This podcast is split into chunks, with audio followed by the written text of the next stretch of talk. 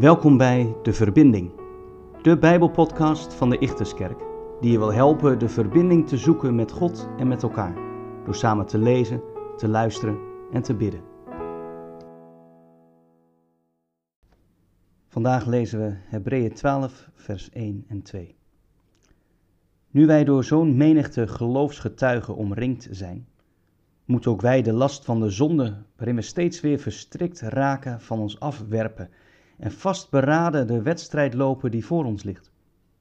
Laten we daarbij de blik gericht houden op Jezus, de grondlegger en voltooier van ons geloof.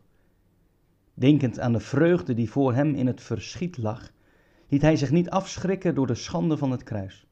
Hij hield stand en nam plaats aan de rechterzijde van de troon van God. Je hebt vast wel eens een hardloopwedstrijd gezien bij de atletiek. Zo'n mooie atletiekbaan tribune eromheen. En op de baan de hardlopers die hun rondes gefocust rennen. Het is dit beeld dat ons in Hebreeën 12 wordt voorgehouden. Het geloof als een hardloopwedstrijd, waarbij je de hinderende zonde van je afwerpt en je blik gericht houdt op de Heer Jezus, die bij de finish op je staat te wachten, waardoor zijn geest ook bij je is op de baan zelf. In het geloof rennen we de hardloopwedstrijd dus niet alleen. De Heer is met ons. Daarbij worden we door een menigte geloofsgetuigen omringd, zegt Hebreeën 12. Die menigte geloofsgetuigen zijn de geloofshelden uit het vorige hoofdstuk, die ons al zijn voorgegaan, die de finish al hebben bereikt. Je mag het natuurlijk ook breder trekken, dat de geloofsgetuigen staan voor alle gelovigen die ons al zijn voorgegaan. Terwijl wij bezig zijn met de hardloopwedstrijd van het geloof, mogen we ook zo nu en dan naar de tribune kijken waar al onze broeders en zusters zitten die al thuis zijn bij de Here, wiens getuigenis ons aanmoedigt. Zo mochten we de afgelopen maand naar Abraham kijken, wiens getuigenis ons ook heeft aangemoedigd om met Gods belofte in handen door te gaan. En zo mochten we in deze Bijbelpodcast de afgelopen tijd een eindje met elkaar oprennen.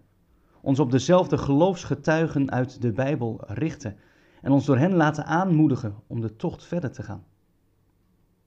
Vandaag is de laatste Bijbelpodcast. En ik vond het bijzonder zo samen met jullie elke werkdag op te rennen.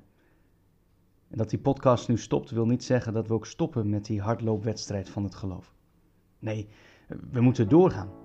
Daarbij gericht blijven op Jezus Christus, onze leidsman en voleinder. Richt je op Hem die met je is en aan de finish op je staat te wachten.